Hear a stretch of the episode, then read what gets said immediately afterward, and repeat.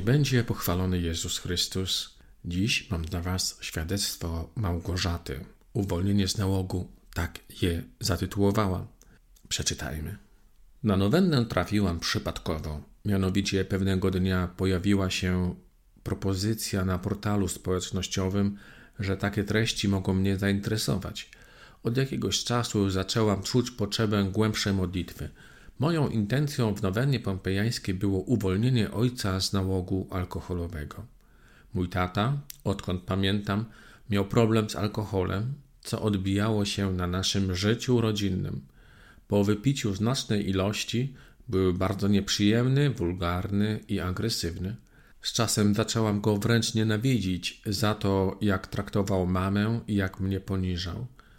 Już po tygodniu od rozpoczęcia nowenny mój tata trafił do szpitala, gdzie zdiagnozowali przewlekłą chorobę. Od tego momentu ojciec nie nadużywa alkoholu. Nawet jak chciał więcej się napić, to organizm dawał mu się we znaki. Zrobił się spokojniejszy, nie czuję do niego złości ani urazy za to, jaki kiedyś był. Wiem, że Maryja nam pomogła. Teraz odmawiam drugą nowennę i wierzę, że Matka Przenajświętsza pomoże nam i tym razem.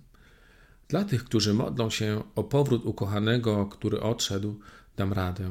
Proście raczej o właściwą osobę. Ja od młodych lat prosiłam Boga i Matkę Bożą o dobrego męża, który będzie przeciwieństwem mojego ojca, i po wielu latach poznałam wspaniałego chłopaka, który mnie szanuje, kocha i jesteśmy już kilka lat po ślubie.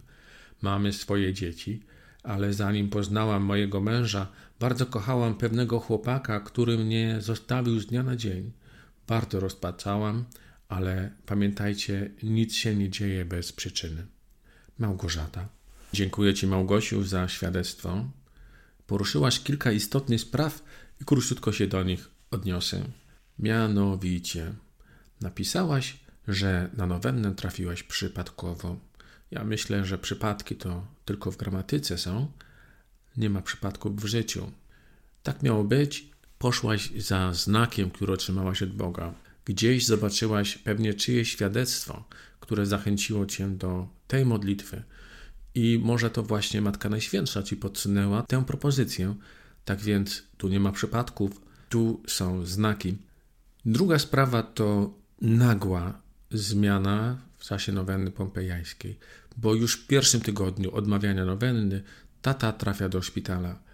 Tak czasami jest, że kiedy po dobroci się czegoś nie da osiągnąć, to Bóg zarządza naszym życiem przez kryzys.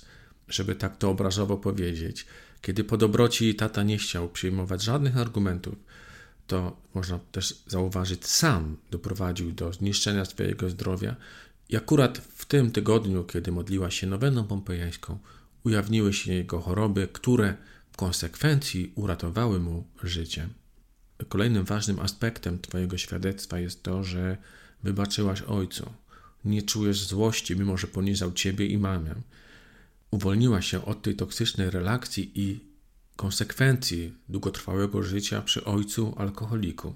I w końcu taki jeszcze jeden ciekawy aspekt – piszesz tak: proście raczej o właściwą osobę, a nie tego, którego sobie wymarzymy, którego sobie wyśnimy, którego zauważymy gdzieś w konkretnych okolicznościach, którym się zauroczymy. Ciebie opuścił z dnia na dzień chłopak, którego bardzo kochałeś, ale potem poznałaś kogoś, kto się okazał o wiele, wiele lepszy, którym stworzyłaś związek małżeński, którym masz dzieci. Tak więc dajmy Bogu margines działania Czasami nasze zauroczenie jest takim zaślepieniem. Nie widzimy tego, co do końca jest dla nas dobre. Tak więc modląc się o drugą osobę, jak radzisz, powinniśmy dawać Bogu jak najwięcej pola do działania. Dziękuję Ci za tę radę i myślę, że będzie ona pomocna wielu osobom, szczególnie młodym, które modlą się za męża lub żonę. Dziękuję Ci, Małgorzato, za to świadectwo. Mam nadzieję, że i Ty masz jakieś świadectwo dla nas. Jeśli chcesz, napisz do naszej redakcji na adres świadectwa małpakrolowa.pl. Serdecznie Cię do tego zapraszam. To wręcz nasz obowiązek. Dzielmy się świadectwami nowenny pompejańskiej.